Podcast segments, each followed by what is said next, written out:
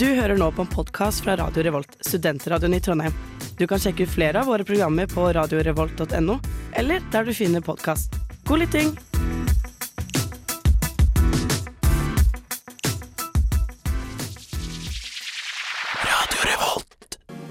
Stemningen er over 9000 i en helt ny episode av Nerdeprat, spillmagasinet på Radio Revolt.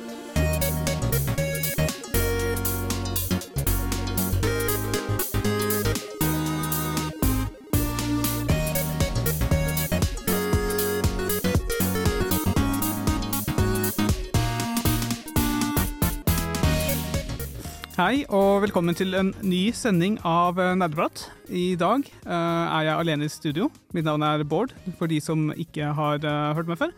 De andre er dessverre ikke tilgjengelige for uh, sending denne uken, så jeg skal ha en sending helt alene og prøve å snakke om det som faller meg inn, egentlig.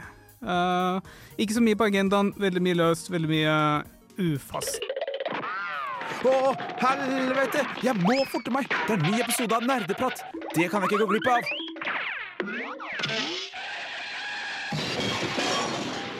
Det var veldig bra at du rakk denne ukens sending av Nerdeprat. Eh, mitt navn er Bård, jeg er alene i studio denne uken og skal prate litt om diverse ting. Eh, vanligvis starter vi med å prate om hva vi har gjort siden sist, og det tenker jeg å fortsette med.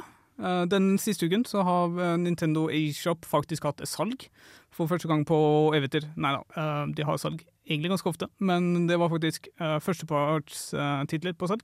Så jeg plukka opp Skyward Sword. Eh, for de som ikke vet, Skyward Sword kom, kom opprinnelig ut til Nintendo Wii. Tilbake i da Nintendo Wii var relevant. Jeg husker ikke helt hvilket årstall.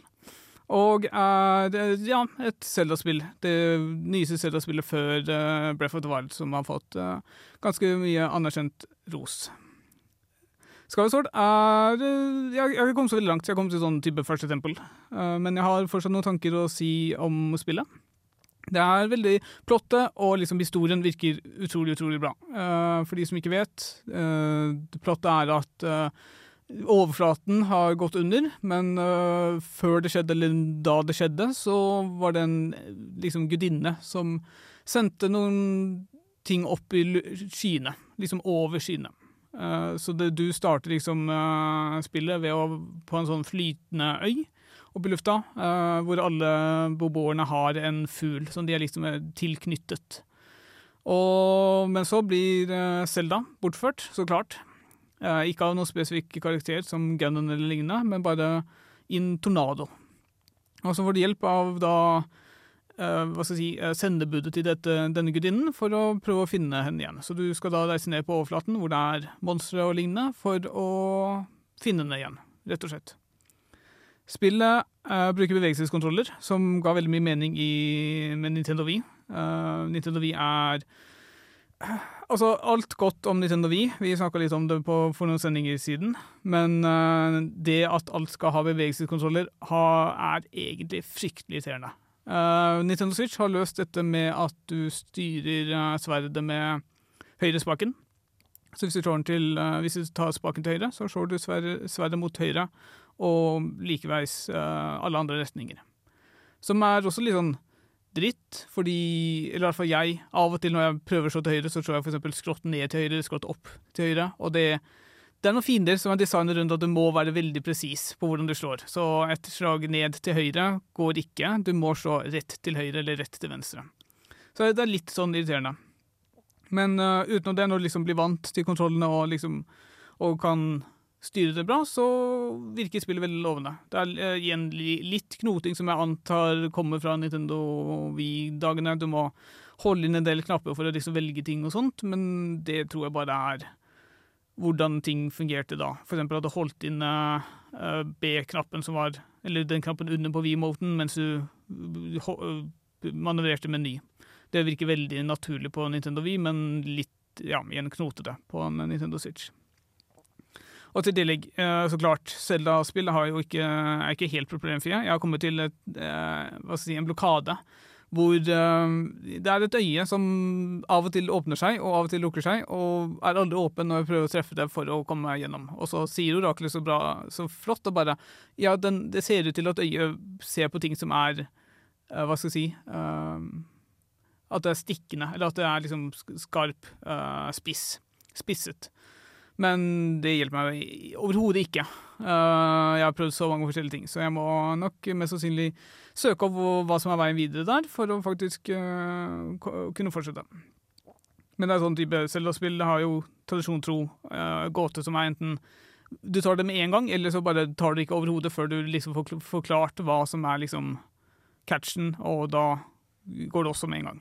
Så det er en smule litt sånn irriterende, men eh, alt i alt et, det virker som et utrolig lovende spill, og jeg er glad jeg endelig får spilt et uh, kanskje litt glemt medlem av Zelda-spillserien, fordi det, det har, får ikke så mye snakk nå til dags, selv om det kommer ut en ny versjon på Nintendo Switch. Så jeg, jeg er glad for at det ser ut, og jeg satser på at jeg kommer til å fullføre det, kanskje til og med over julen. Ja, faen, du hører så gjerne på nerdeprat. Altså, det games, og det prates, og det nerdes, og det er litt. Det stemmer, du hører på Nerdeprat på Radio. Jeg skal fortsette praten min om eh, det neste spillet jeg har spilt siden eh, forrige uke. Eh, Da det var salgt, så plukka jeg også opp et spill som heter Xenoblade Chronicles 1. Altså en forgjenger til Xenoblade Chronicles 3, som eh, Håkon har eh, snakket så mye om dette semesteret. Eh, For de som ikke vet, Xenoblade Chronicles kom ut eh, til Nintendo VD også, eh, for lenge, lenge siden. Toeren kom ut på Nintendo Switch, eh, og så kom eneren ut på nytt igjen til Nintendo Switch. Som en, en definitiv utgave. Og så kom treeren da ut nå i sommer. Til stor, eh, stor suksess, virker det som. Uh, Chronicles er et eh, spill hvor du, du spiller en protagonist. Det er en krig, eller for lenge lenge siden så var det to store titaner som kjempa mot hverandre. Uh, Bionis og um, Mekkis, eller noe sånt, tror jeg. Og de, de sloss til de falt om og døde og alt mulig sånt. Og nå lever menneskeheten på Bionis og kjemper av og til mot noen som heter Mekkon, som er liksom en mekanisk rase. Så spillet starter med at uh, du liksom får vite litt om det som skjedde for en stund siden, og så eh, kontrollerer du spilleren da i en litt mer moderne tid, hvor du har eh, blant annet et sverd som kan drepe Mekon relativt lett, mens ingenting annet kan egentlig skade dem noe særlig. Spillet er utrolig bra. Det er JRPG som kanskje er litt selvsagt. Eh, Du kontrollerer en gruppe på tre stykker, tror jeg. Men du, eh, du er en gruppe på tre stykker, men du kontrollerer egentlig kun eh, partylederen. Og som da drar ut på oppdrag uh, i veldig tidlig i spillet, type kapittel to, så i, Hva skal jeg si Du ser igjen ja, Mekons de invaderer plutselig, og så får du da liksom en motivasjon til hva du skal gjøre videre i spillet, og da, da drar da ut på en reise fra koloni 9, som da er hjemmet ditt. En ting som er ganske unikt med Xenoblade Chronicles-spillene, spesielt eneren, er at uh, mange, du kan liksom skape, uh, skape relasjoner til veldig, veldig veldig mange mennesker i dette her. Uh, ikke nødvendigvis liksom gifte deg, det aner jeg egentlig ikke noe om, men du får et forhold til dem. De liksom ber deg om hjelp gjennom oppdrag og sånne ting, og så kan du liksom få vite om relasjonene dem imellom også. Type hvem er foreldre til hvem, eller kjærester eller rivaler og sånne ting. Som er utrolig interessant. eh, veldig bra gjennomført. Og jeg har til og med funnet oppslag nå hvor jeg kan liksom velge om jeg skal gi en kjærlighetsting, noe som liksom skal fremskaffe kjærlighet til en kvinne som har lyst til å ende opp med en person, eller en sjalu annen person som har lyst på denne kvinnen. Så liksom du får følelsen av liksom at valgene dine faktisk har en påvirkning på spillet, som er veldig bra. Det spillet derimot ikke håndterer så veldig bra, er at eh, du, det er veldig vanskelig å vite hvem du egentlig har pratet med før, og hvem du, hvem du ikke har pratet med før, og derfor burde prate med. Alle sammen er, så vidt jeg kan se, blå prikker, og du må liksom, du må huske hvem du har pratet med før, og, og så i tillegg så flytter de på seg uh, utover hvilken tid på dagen det er. Så det er utrolig vanskelig å styre på hvem du har pratet med før, og spesielt når du skal tilbake og prate med noen andre fordi du har fått mer informasjon gjennom noen andre, så er det liksom Jeg aner ikke hvor jeg skal. Og det er, det er litt frustrerende. Jeg tror de har fiksa det i litt av de, eh, de oppfølgerne. At det er mye lettere å finne ut eh, hvem som har noe nytt å si og ikke. Men eh, i eneren så er det utrolig frustrerende å måtte gå rundt og gjøre dette her. Men selve spillmekanisk så er spillet utrolig bra. Du har liksom noen effekter, type at du kan gjøre dem mer sårbare, og så i tillegg så kan de da løftes opp, eller topple, som det heter, som er liksom å ta dem over ende, som gjør at de tar mer skade. Du har et, part, uh, altså et partysystem igjen, så du kan liksom samarbeide med partyet ved at du gjør én ting, og så følger de opp av seg selv med noe annet som er passende. Så det er veldig, det er veldig bra. Eh, Du har til og med en type system hvor den har kontroll på hvem som skal ha fokus av fienden, så du kan liksom redusere din egen eh, sjanse for å bli angrepet, sånn at du kan snike deg bak dem og angripe bakfra, eksempel, som gjør mye mer skade hvis du bruker riktig angrep. Alt i alt et uh, utrolig bra spill. Det er det jeg spiller gjennom nå etter jeg ga litt opp uh, Skyward Sword. Og jeg har veldig store forhåpninger i og med at spesielt toeren og treeren er såpass godt likt og såpass uh, bra. Så jeg gjør, gleder meg utrolig bra. Det er veldig, veldig stort og omfangende og veldig bra laget, veldig dypt. Og det er det jeg virkelig liker med sånne japanske rollespill. Aktung! Aktung! Nerdeprat er på igjen, og dette krever din fulle oppmerksomhet. For vi snakker om de mest sofistikerte emnene i historien, nemlig videospill og andre nerdeting. Jeg sa aktung! Velkommen tilbake til eh, Nerdeprat, hvor vi prater om eh, videospill og andre nerdeting. Mitt navn er Bård. Jeg er alene i studio i dag fortsatt, for de som nettopp har skrudd på radioen. Og jeg prater litt om eh, hva jeg har bedrevet med i det siste, som en start før jeg beveger meg over til andre temaer. Nå skal jeg innom Bravely Default 2, som jeg også plukket opp når Nintendo eShop faktisk endelig har salg på noen gode spill, og ikke bare makkverk fra laveste hylle. Bravely Default 2 er det tredje spillet i serien, av en eller annen merkelig grunn, eh, hvor de to første kom til Nintendo 3DS. Eh, det er plassert i type Fun Fancy Ikke nødvendigvis i Final Fantasy-universet, men det bruker Fun Fancy-terminologi. Så for de som har spilt Fun Fancy, så er det veldig, veldig likt Fun Fancy. Så det er veldig gjenkjennbart og veldig eh, Ikke så veldig mye å lære seg for de. Eh, Det som er så veldig kult med Bravely Default spesielt, er at eh, du har veldig fleksible jobber. Du kan låse opp, eh, du låser opp jobber etter hvert som du gjør progresjon gjennom spillet, og så kan du når som helst bare bytte jobb, og så leveler du opp den jobben fra én eller null, eller hva enn du var på forrige gang du brukte det. Så du har en gruppe på fire som da kan være veldig fleksible. De kan også ha en, liksom, en hovedklasse, og så kan de ha en sekundærklasse som de da kan hente ferdigheter fra, som gjør det enda mer fleksibelt. Og I tillegg, eh, det som gjør eh, at Brave Default har navnet sitt, er jo at når du er i kamp, så kan du ta en defensiv posisjon og si at 'jeg vil spare turen min til neste gang'. Og da når du har spart opp eh, jeg tror det er tre, eller noe sånt, så kan du da uh, gjøre fire angrep på rad på én tur. eh, Per karakter, som har spart opp. Og Du kan også gå i minus, og type du kan ikke spare opp noe som helst. Hvis du er rimelig sikker på at du kommer til å vinne på de fire turene dine, så kan du bare gå, gå full på første tur, og få drepe dem før de eh, da får fire, tre, fire turer uten at du kan gjøre noe som helst. Og sikkert tar ekstra skade. Jeg husker ikke helt.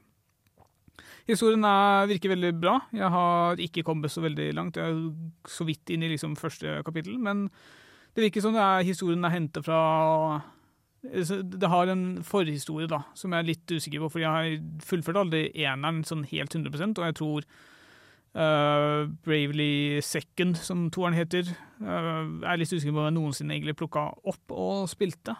Men eh, det, er, det, det refererer til eksempel en, jeg tror det var en massakre i et, eh, i et slott eller sånt som en ene personen kommer fra. Så det er eh, Eller en eh, Hva skal jeg si et, En katastrofe.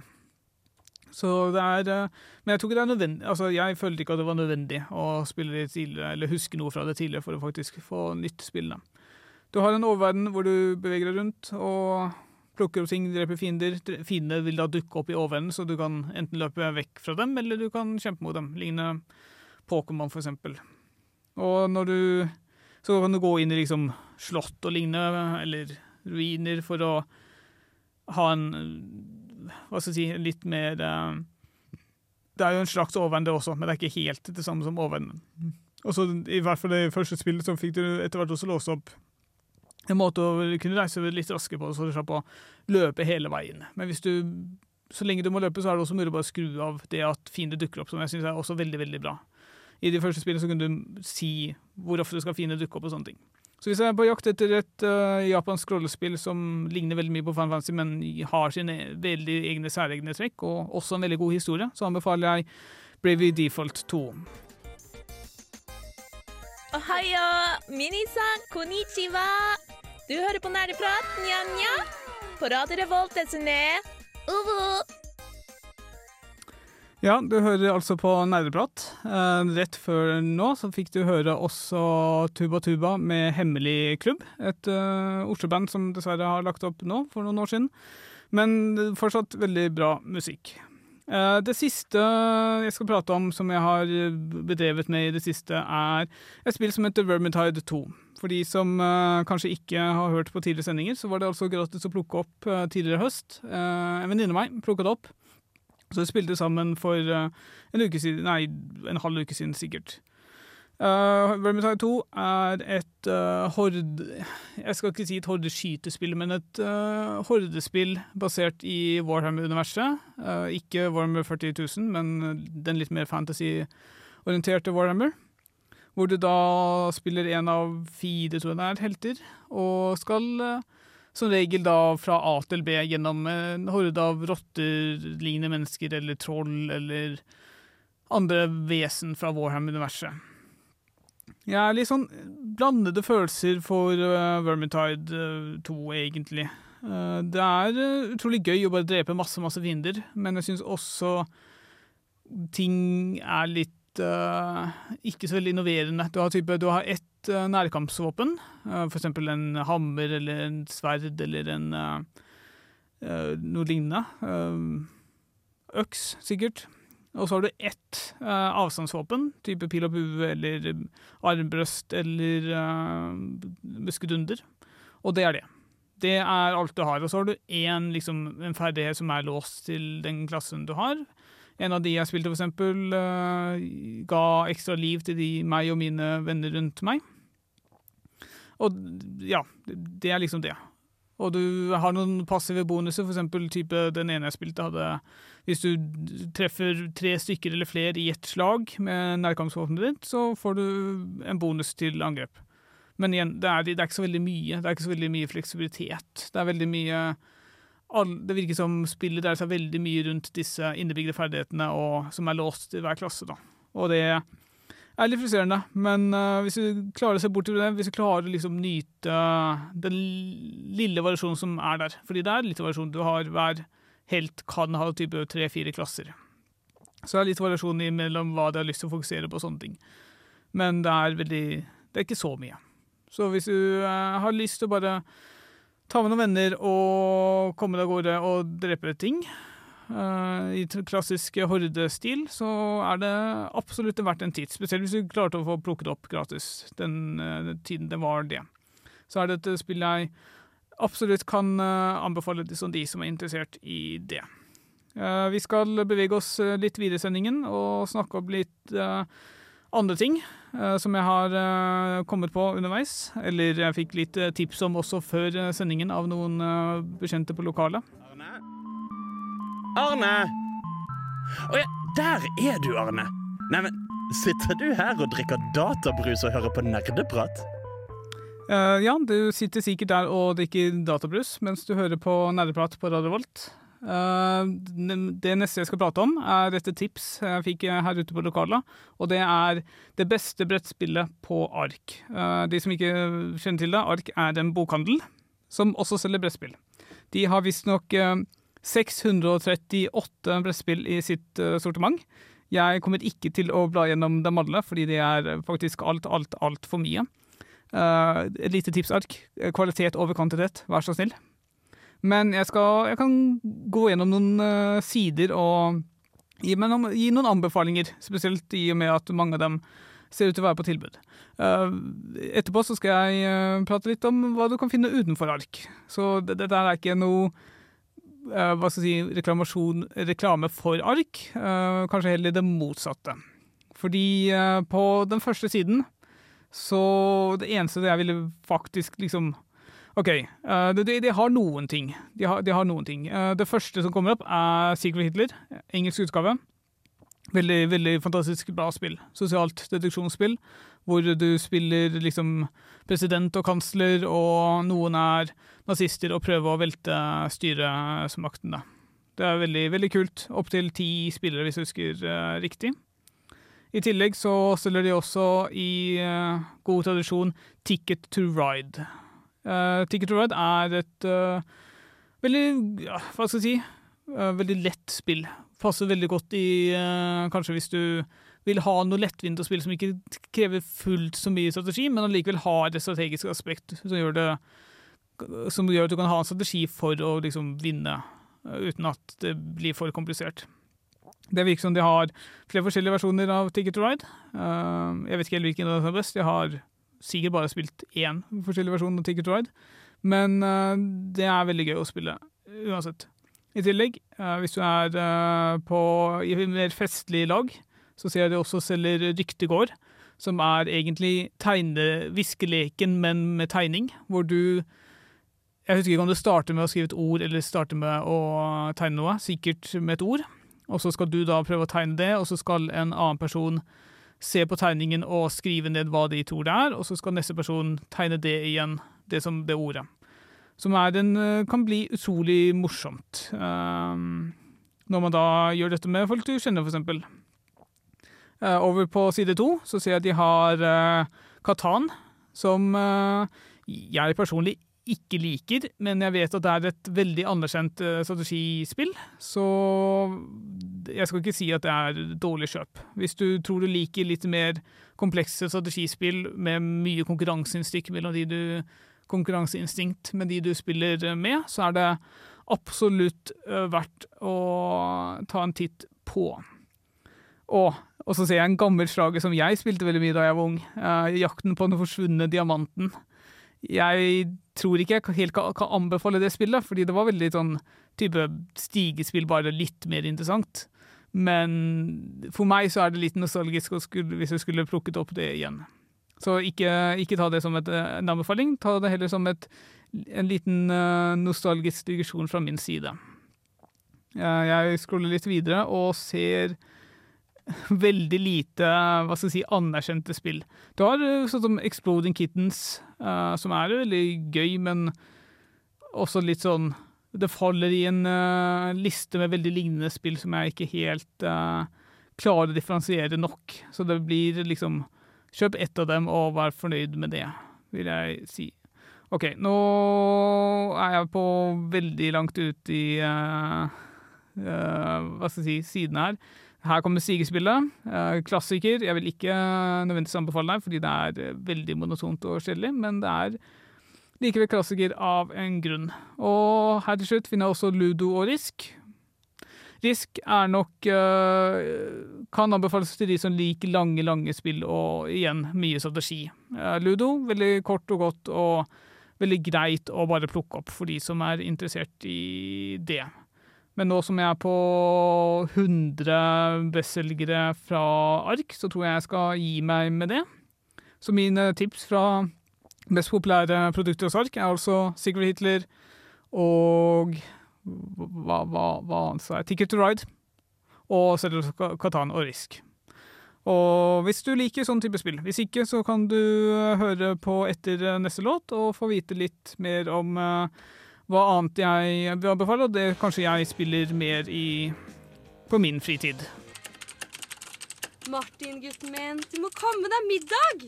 Å, mamma! Jeg kan ikke sette på pause nå! Jeg er midt i en heftig episode av Nerdeprat!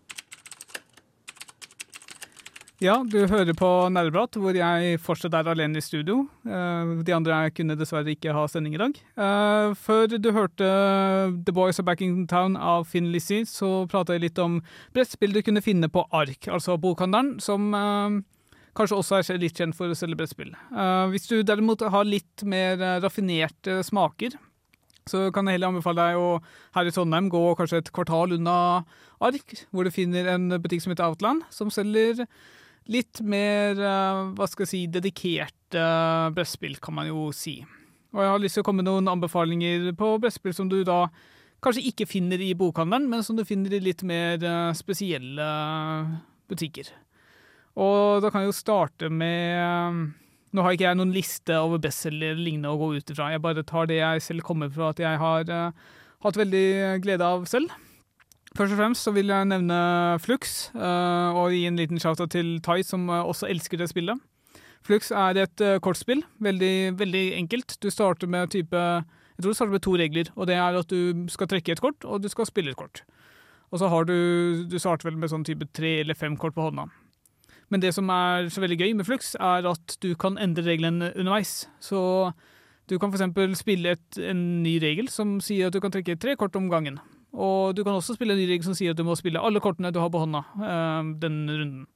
Som eh, gjør spillet veldig interessant. I tillegg, måten du vinner på, er at du kan spille et mål for eh, Du spiller kort som har et mål, som er eksempel er du skal ha kontroll over disse kortene her, som du har lagt fram på bordet foran deg, ved å spille dem. Og så kan du også hva skal jeg si, har du også et liksom effektkort som er type bytt uh, kort med andre spillere, eller få dem til å kaste hånda og lignende sånne ting. Veldig, veldig lett å plukke opp, og veldig gøy å spille selv om uh, du spiller liksom mange, mange ganger. Det er alltid noe nytt, og det er alltid gøy å spille.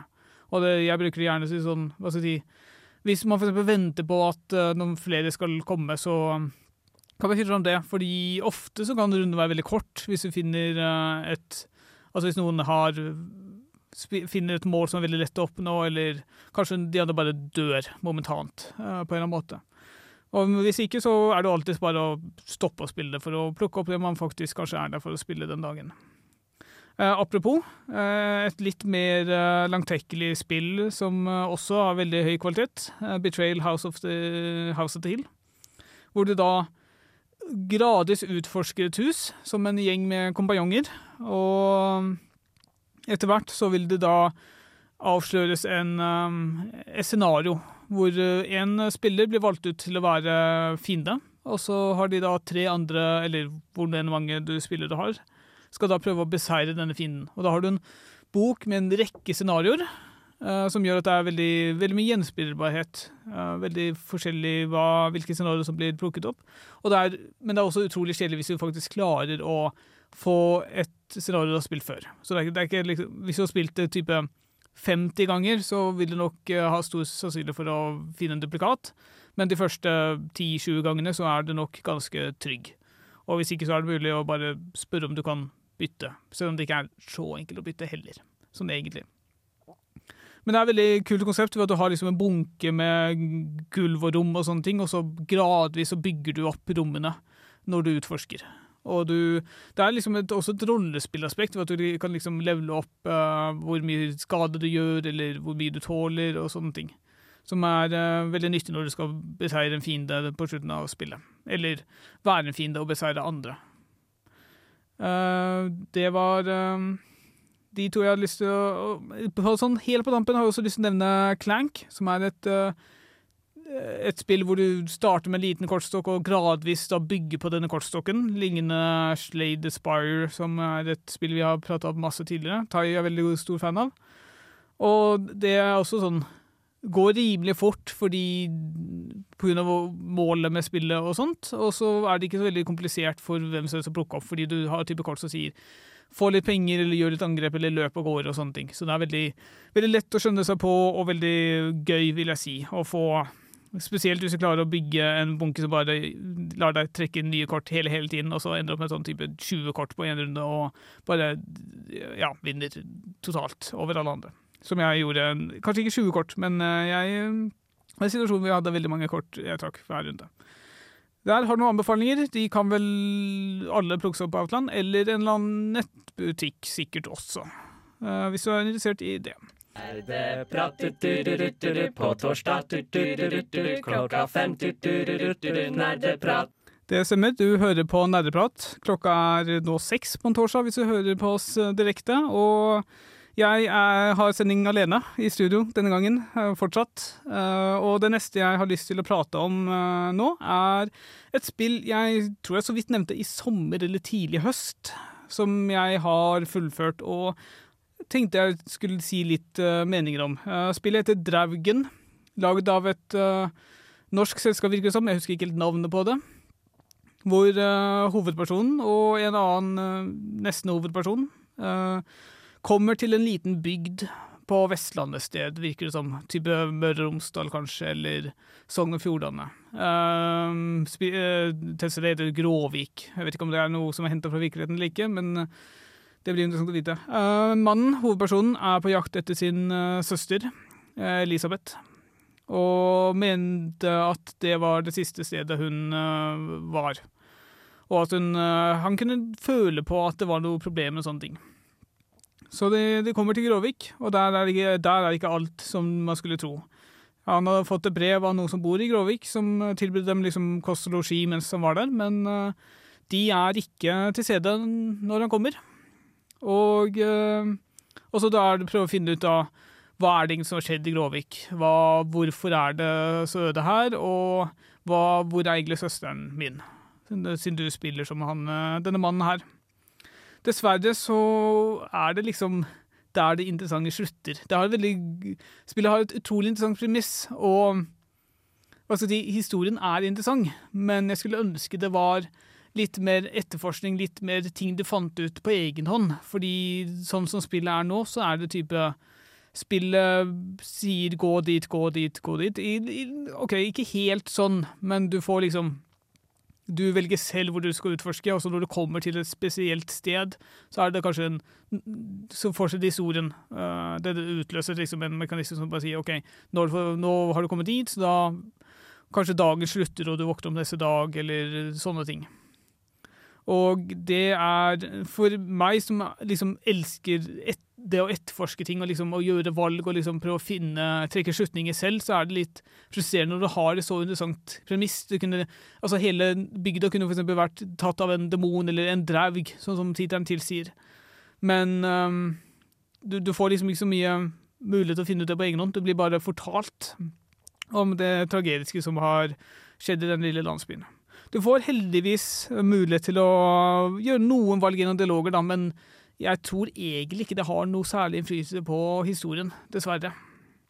Og så har du mulighet til å liksom finne noen skjulte greier rundt omkring, men det, det gadd jeg aldri å egentlig gjøre, ta meg tiden til. Fordi det var liksom Det virka ikke så veldig interessant, egentlig. Så ja, hvis du har lyst til liksom bare å få høre veldig, eller få oppleve en ganske interessant historie og gå litt på sånn autopilot mens du gjør dette her, så vil jeg anbefale spillet. Det var, hadde liksom utrolig interessant plott. Altså, det var interessante ting som skjedde. Og det, så historien er godt skrevet. Jeg bare skulle ønske jeg hadde mer innflytelse over det, og jeg kunne gjøre mer valg og liksom oppdage det på min egen, i, i mitt eget tempo og på min egen måte, istedenfor bare bli bedt om å vandre rundt til jeg fant ut av det, og så var det veldig spesifikt hvordan denne informasjonen kom til deg. Det var type du fant et sted som var beskrevet i et eller annet, og så var det bare, fikk du noe dialogvalg til å snakke med partneren din, bare OK, så det, her er sånn jeg tror det skjedde, og kanskje det her. Og det er, det er fortsatt litt usikkerhet, da. Det er det. Men uh, det ikke så mye som jeg gjerne skulle likt. Spesielt når du er liksom vant med Sherlock Holmes, de moderne Sherlock Holmes-spillene, hvor du kan liksom trekke en helt feil slutning og få vite det i etterkant og faktisk feile en sak på den måten. Mens her er det liksom det er ikke du, du Ja, du blir bare fortalt den historien og kanskje ja, har noe usikkerhet som du da må finne ut av helt til slutt. Men uansett, ja. Jeg tror jeg fikk spille i en eller annen pakke eller noe sånt, men det var definitivt verdt opplevelsen.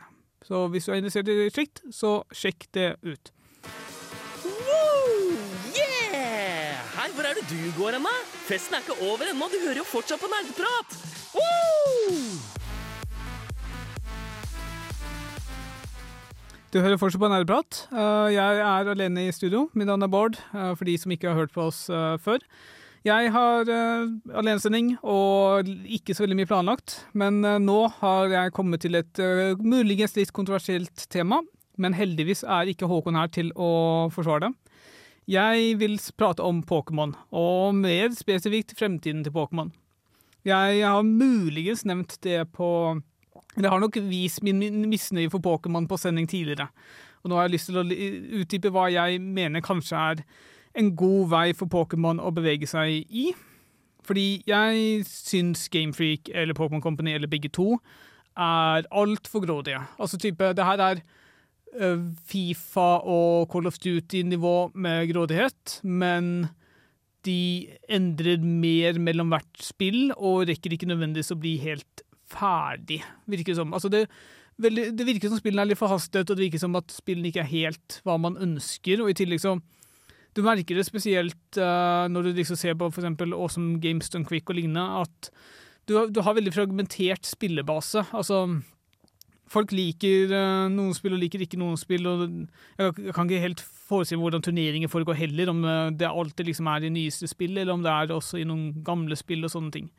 Så jeg, jeg har et håp om at uh, istedenfor at uh, Gamefreak skal gi ut et uh, nytt spill, et fullblodsspill hvert, hvert år, er det kanskje, til 600-700 kroner og sånne ting. Og ha det leve separat, og ha liksom alt miljø separat, ha turneringer separat og sånne ting. Så har jeg et håp om at kanskje man kan i det minste redusere liksom hvor ofte disse spillene må komme ut, og heller bruke seg litt mer ta det, Altså bruke litt mer tid på dem. Men også prøve å liksom ikke ha det så segmentert. Og jeg vet ikke helt hvordan det skal gjøres, men kanskje type, det som har blitt gjort uh, i veldig mange andre spi, altså populære spill, er jo at du har en slags basisversjon, og så kan du bygge på videre i hva du selv ønsker å ha med. Så det jeg tenker hadde vært hva skal jeg si, uh, kanskje litt mindre grådig av Gamefreak, hadde vært å Si at du har en basis Pokémon-spill uh, hvor liksom kampene fungerer som Altså hvor liksom spillemotoren lever. Og så kan du velge hvilket spill du har lyst til å spille i denne spillmotoren.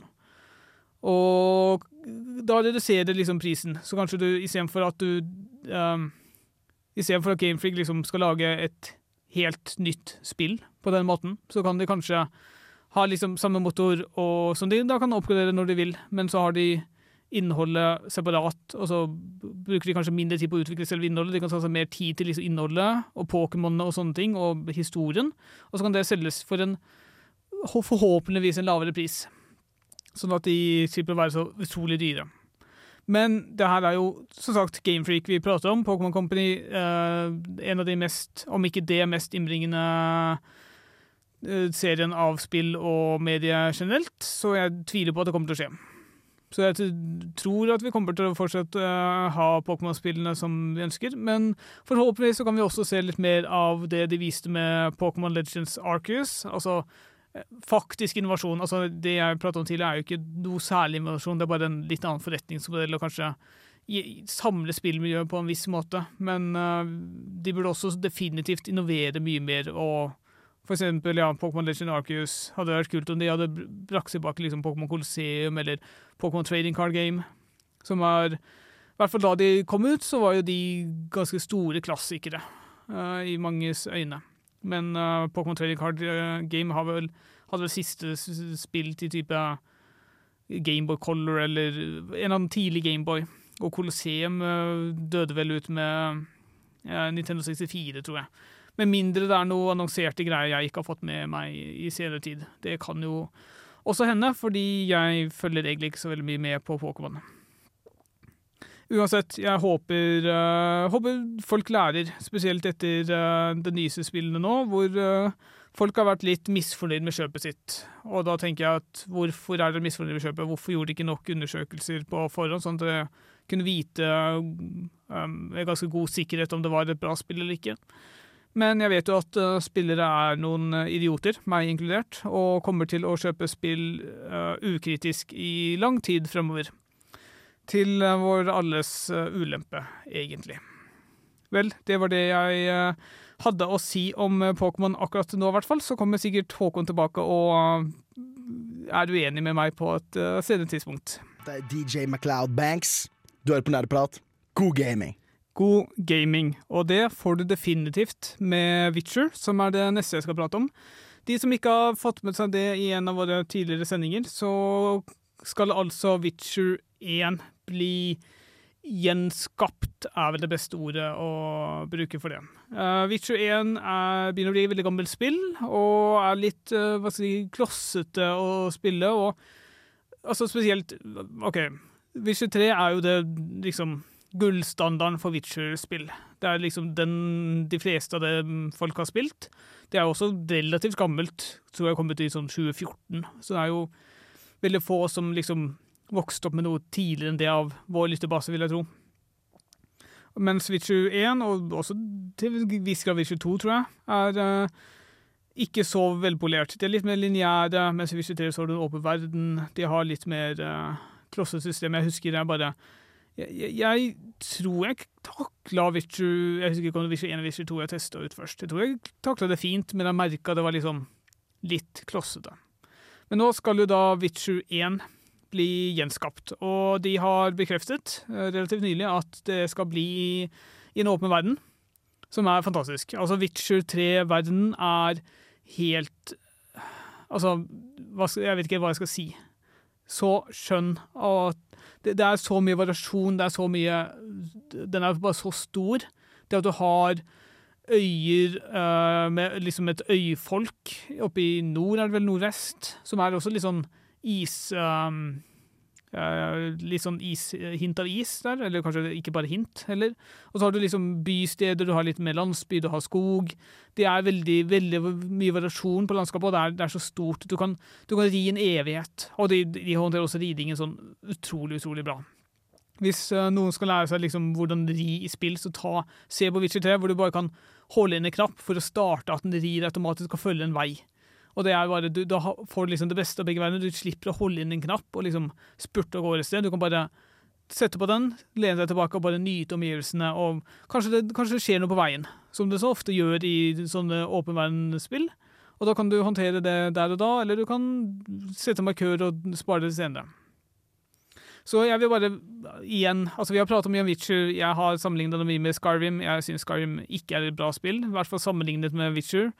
Men dog, Witcher komme sånn type tre år senere, så det er ikke helt det samme sammenligningsgrunnlaget. Så jeg vil bare anbefale eh, Witcher-serien. Kanskje ikke plukke opp eh, det første nå som det kommer på nytt. Kanskje ikke plukke opp det andre heller, bare fordi det er litt skrossete. Men hvis du ikke har spilt Witcher 3, eller noen av utvidelsene, fordi utvidelsene er også utrolig, utrolig, utrolig bra, så det, ta dette her som min varmeste anbefaling. Eh, plukk det opp og test det ut. Du har du, du, har en historie hvor dine valg faktisk påvirker ting. Du har uh, personer som bare kan liksom forsvinne, forsvinne, ut av historien fordi du ikke tok uh, På grunn av et valg du tok. Du har Du kan liksom Du kan gjøre for mye av liksom hovedhistorien til at du går glipp av ting. Du har Det er så mye som gjør at du bare føler at du faktisk er i denne verden, og du gjør en forskjell, og du faktisk får til ting og du har en såpass fantastisk verden rundt deg som du gradvis blir interessert til. Du, liksom, du starter ved et lite område, og så, starter du til, og så går du litt videre, og så treffer du folk gradvis. Du treffer en baron, du treffer liksom noen sump Ikke sumptroll, men altså noen hekser som bor i en sump. Du treffer uh, Og så etter hvert så kommer du til en by, og i den byen så har du mulighet til å reise da, eksempel ut til dette øyfolket. Og du treffer kjente og kjære karakterer fra tidligere spill, som også er en fornøyelse. Og spesielt det at Witcher også har en del Altså det er skrevet av en polsk forfatter, uh, bøkene spillet er basert på. Så du har en del hva skal jeg si, uh, europeisk mytologi rundt det. Du har liksom noe som kan innom en nøkk eller en draug som mytologiske vesener. Og generelt fiendene og liksom tingene du skal bekjempe i Witcher-spillene, er også utrolig bra laget. Så vær så snill, eh, f.eks. over jul så kan du ta og plukke opp eh, det her og teste det ut, fordi det er virkelig et spill som får min varmeste anbefaling. Dagens sending av Nerdeprat er sponset av Raid Shadow Le... Ouch! Unnskyld! Unnskyld! Velkommen tilbake til Nerdeprat. Uh, før vi hørte låt, så uh, prata vi litt om Witcher og hvor, uh, hvor mye det er anbefalt at du kanskje plukker det opp, f.eks. over jul. Noe annen ting som er litt julerelatert, som jeg fikk et tips uh, utenfor lokalet her å snakke om, er spill som julegave. Uh, problemet her er at uh, på, på lik linje som film og bøker, du kan ikke bare finne et spill du liker, og gi det til en du kjenner.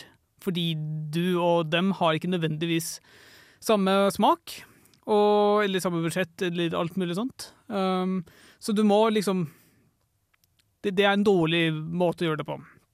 Så jeg ville kanskje, for å ta liksom spørsmålet litt mer konkret, så ville jeg kanskje anbefalt finne ut hva personen liker. Enten, altså Det trenger ikke å være liksom en spillsmak, uh, hvis du f.eks. ikke er så veldig interessert i å spille. Eller ikke har hatt så mye erfaring med å spille. Men uh, finne ut hva de liker av type filmer eller bøker. De, liker de liksom en god historie eller en intrikat historie? Liker de action, spenning, thriller? Hva er det liksom som faktisk de trives best med? Og så spør du da noen av vennene dine, eller du kanskje har peiling selv til og med, et uh, spill som kan passe inn innenfor denne smaken her, da. Men hvis du Hvis personen kan se ut til å like rollespill, så er uh, Witcher definitivt uh, et godt valg. Hvis de liker Hvis det f.eks. er en typisk krimelsker, som jeg kjenner, vet noen av våre lyttere er, så kan de f.eks. teste ut Out of Wilds, om de vil ha en litt mer abstrakt uh, krimhistorie, eller de kan teste ut uh, de nyere Sherlock Holmes-spillene, som uh, er litt mer konkret, hvor det faktisk løser saker her og nå, som er faktisk mord eller forsvinninger, eller jeg er litt usikker på nøyaktig hvor bredt det går. Og hvis de bare har, hvis jeg er type person som spiller spill på mobilen, så på vei til jobb eller uh, trening eller noe sånt, så har jeg dessverre ingen tips å komme med.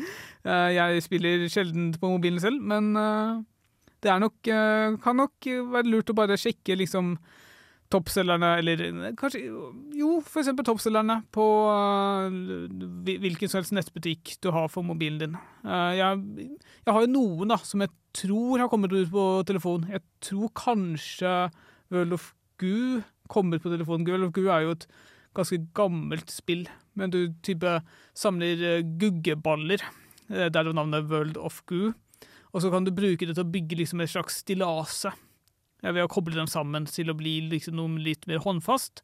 Og så skal du da bygge dette stillaset for å komme deg til en utgang og for å få flest mulig guggeballer ut denne utgangen. da. Så du skal bruke minst mulig guggeballer på å bygge stillaset for å få flest mulig guggeballer ut uh, et rør, tror jeg det er. Utrolig, utrolig bra spill. Uh, også utrolig gammelt, så det burde kunne kjøre på mobil, men jeg er faktisk litt usikker på om det finnes i mobil eller ikke. Jeg kan, uh, jeg kan jo faktisk sjekke det under en låt. I tillegg, hvis du hvis man er en person som liker en, liksom en god historie, uh, og kanskje ikke vil ha så mye liksom, valgfrihet eller fleksibilitet, så kan jeg jo Eller nei, vet du hva, glem det, fordi det spillet jeg har tenkt å anbefale, Detroit Become Human, er jo masse fleksibilitet i liksom, muligheten for å gjøre dialog og valg og sånne ting, men det er en utrolig god historie, uavhengig av hvilket valg du tar. Ja, du tar kanskje valg som får en karakter drept, men uh, hvis du misliker det, så kan du muligens gå tilbake til et tidligere lagringspunkt, eller du kan starte på nytt senere og gjøre andre valg for å da finne ut mer av de potensielle historiene her. Du har jo også um, spill som Heavy Rain og um, Beyond Two Souls, tror jeg er lagd av de samme folka, og har lignende valgfrihet og sånne ting. Så hvis uh, du vil, uh, er på litt budsjett, eller kanskje vil ha en annen type historie enn Detroit Become Human. Detroit Become Human handler veldig mye om eh, androider og liksom kunstig intelligens og hvorvidt de kan defineres som mennesker. Mens Rain har kanskje og Heavy Rain vet jeg har en kanskje litt mer jordnær fortelling, mens Beyond Two Souls er faktisk utrolig usikker på hva historien er, for å være helt ærlig.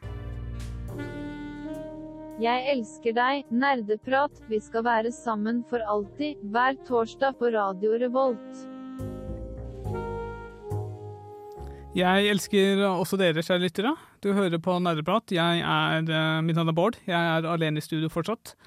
Uh, rett før låt, altså gjennomsiktig av svømmebasseng, så prater jeg om uh, noen spill jeg kunne anbefale å gi introdusere andre folk for. Jeg nevnte of Goo, og skulle sjekke hvilke plattform det var tilgjengelig for. Og jeg har helt rett, det finnes også på mobil. Så hvis du er på jakt etter noe du kan spille på vei til og fra jobb, sjekk ut World of Goo. Det er virkelig et praktfullt spill. Uh, men for å vi bygge litt videre på det, fordi jeg har en viss kjærlighet for uh, problemløsingsspill. Type World of Goo, men jeg vil også snakke om en eh, litt kort om en utvikler som heter Sectronics.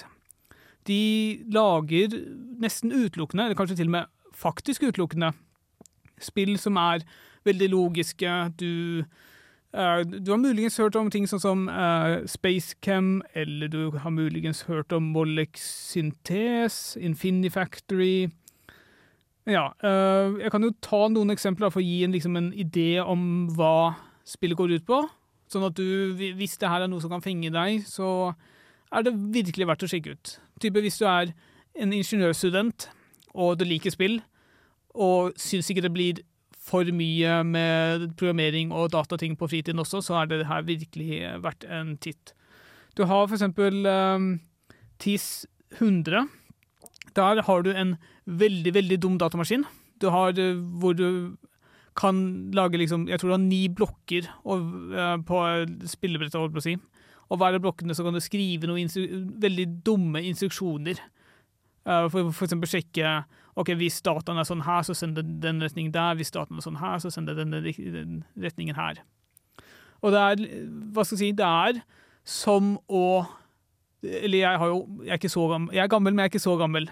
Så det, det, for meg så minner det om det jeg tror det hadde, var å programmere for lenge, lenge siden, når disse moderne programmeringsspråkene ikke eksisterte, når du liksom lagde kommando- eller linjeverktøy. Så da har du muligheten å liksom teste ut dine logiske kunnskaper, prøve å finne ut hvordan løser jeg dette problemet her på mest effektiv tid. Uh, det er jo akkurat det samme med Spacecam, hvor du har type uh, atomer eller molekyler som du får, kan liksom hente ut, og så skal du lage en, et slags samlebånd som setter disse atomene sammen til molekyler og leverer dem et spesifikt sted på spillebrettet. Så det er jo igjen hvor mange sykler tar det, hvor mange Hva er kostnaden, altså type hvor mange deler må det ha for å få til dette her. Som jeg også liker veldig godt. Og det siste spillet fra Sectronics jeg også har lyst til å nevne, er uh, Shenzhen IO, hvor du da får jobb med å designe elektroniske komponenter ved hjelp av liksom veldig basiselementer. Så du har type Uh, en, for eksempel uh, en ad-gate, eller du har lignende um, Hva skal jeg si um, Du har veldig basiskomponenter, så skal du prøve å la, bruke dette til å lage noe mer komplisert.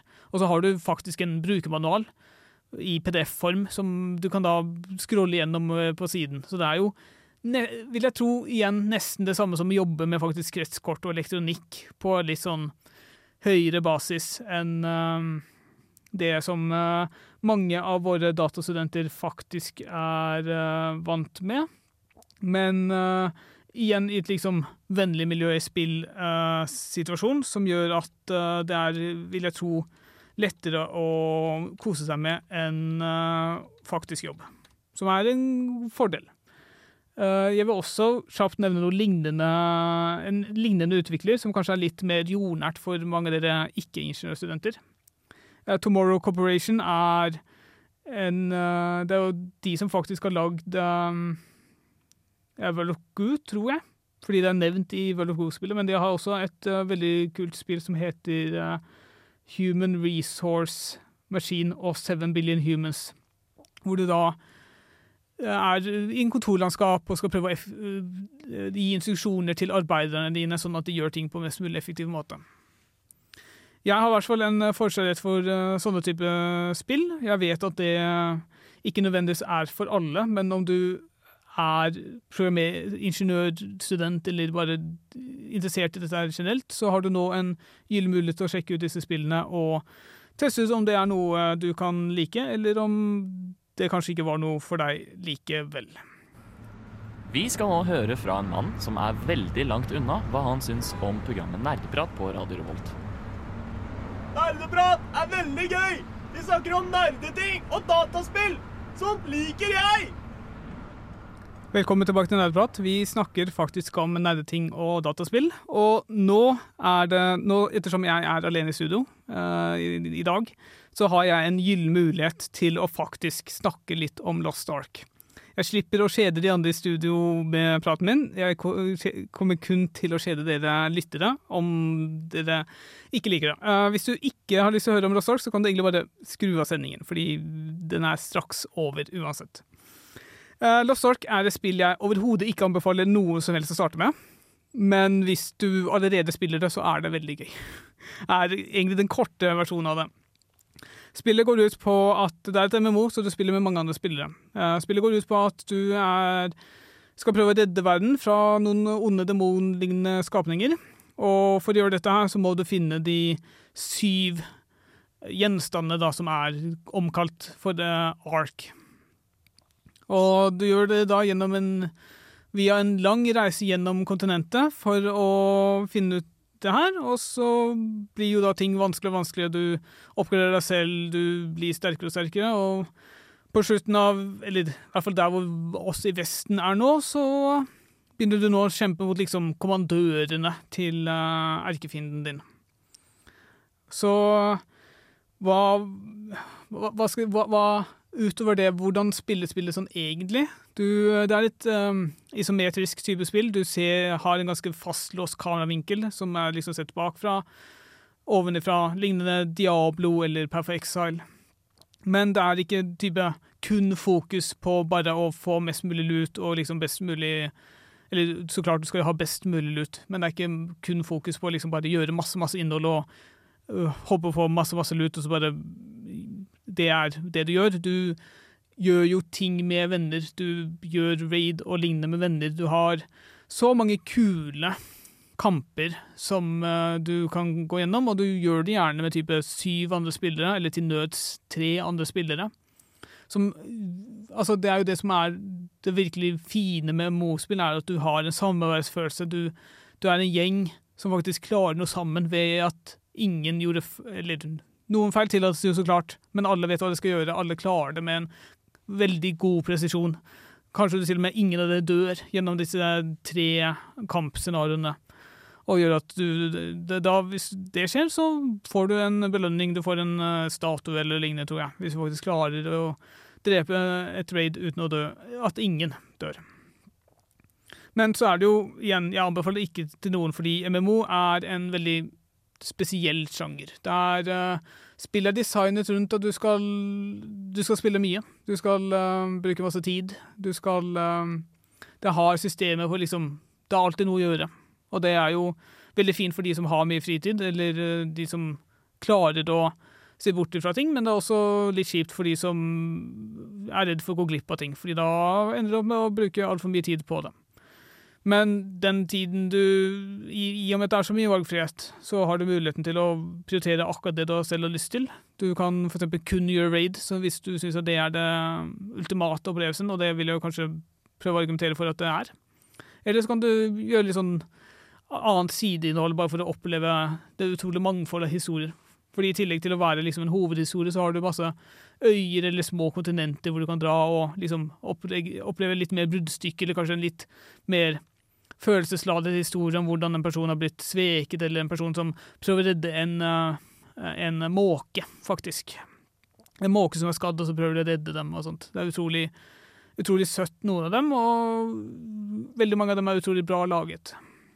Men igjen, hele med Moses, jeg legger liksom demper på alt sammen, fordi det er så uh, Kan være veldig overveldende. Du, du vil heller aldri begynne å spille et MMO uten å ha noe form for veiledning, enten via en venn eller en wiki eller videoer som liksom gir deg noe hint og tips og sånn, fordi mange av konseptene er utrolig dårlig forklart, og, og du, du, trenger bare hjelp for å vite hva som, er, hva som er bra og hva som er dårlig, for eksempel helt i starten, når du har et uhorvelig antall uh, forskjellige muligheter.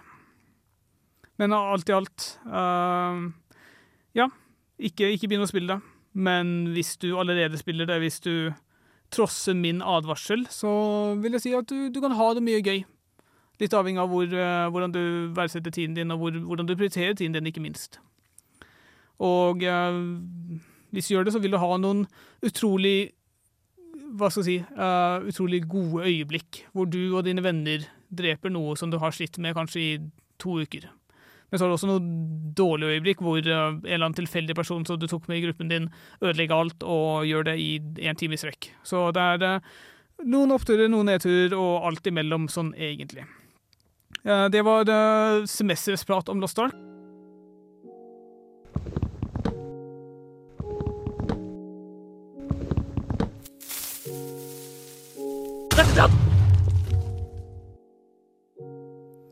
Det var dessverre alt jeg rakk for i dag. Mitt navn har vært eh, Bård. Jeg har eh, vært alene i studio i denne ukens sending av eh, Nerdeprat. Jeg håper dere lyttere har kost dere like mye som det jeg har gjort. Det er virkelig en opplevelse å både være programleder, styre teknikk og stå for all pratingen selv. På vei ut av døra skal du nå få høre REM med 'Losing My Religion'. Ha det bra. Du lyttet nettopp til en podkast fra Radio Revolt. For å høre flere av våre podkaster, gå inn på radiorevolt.no.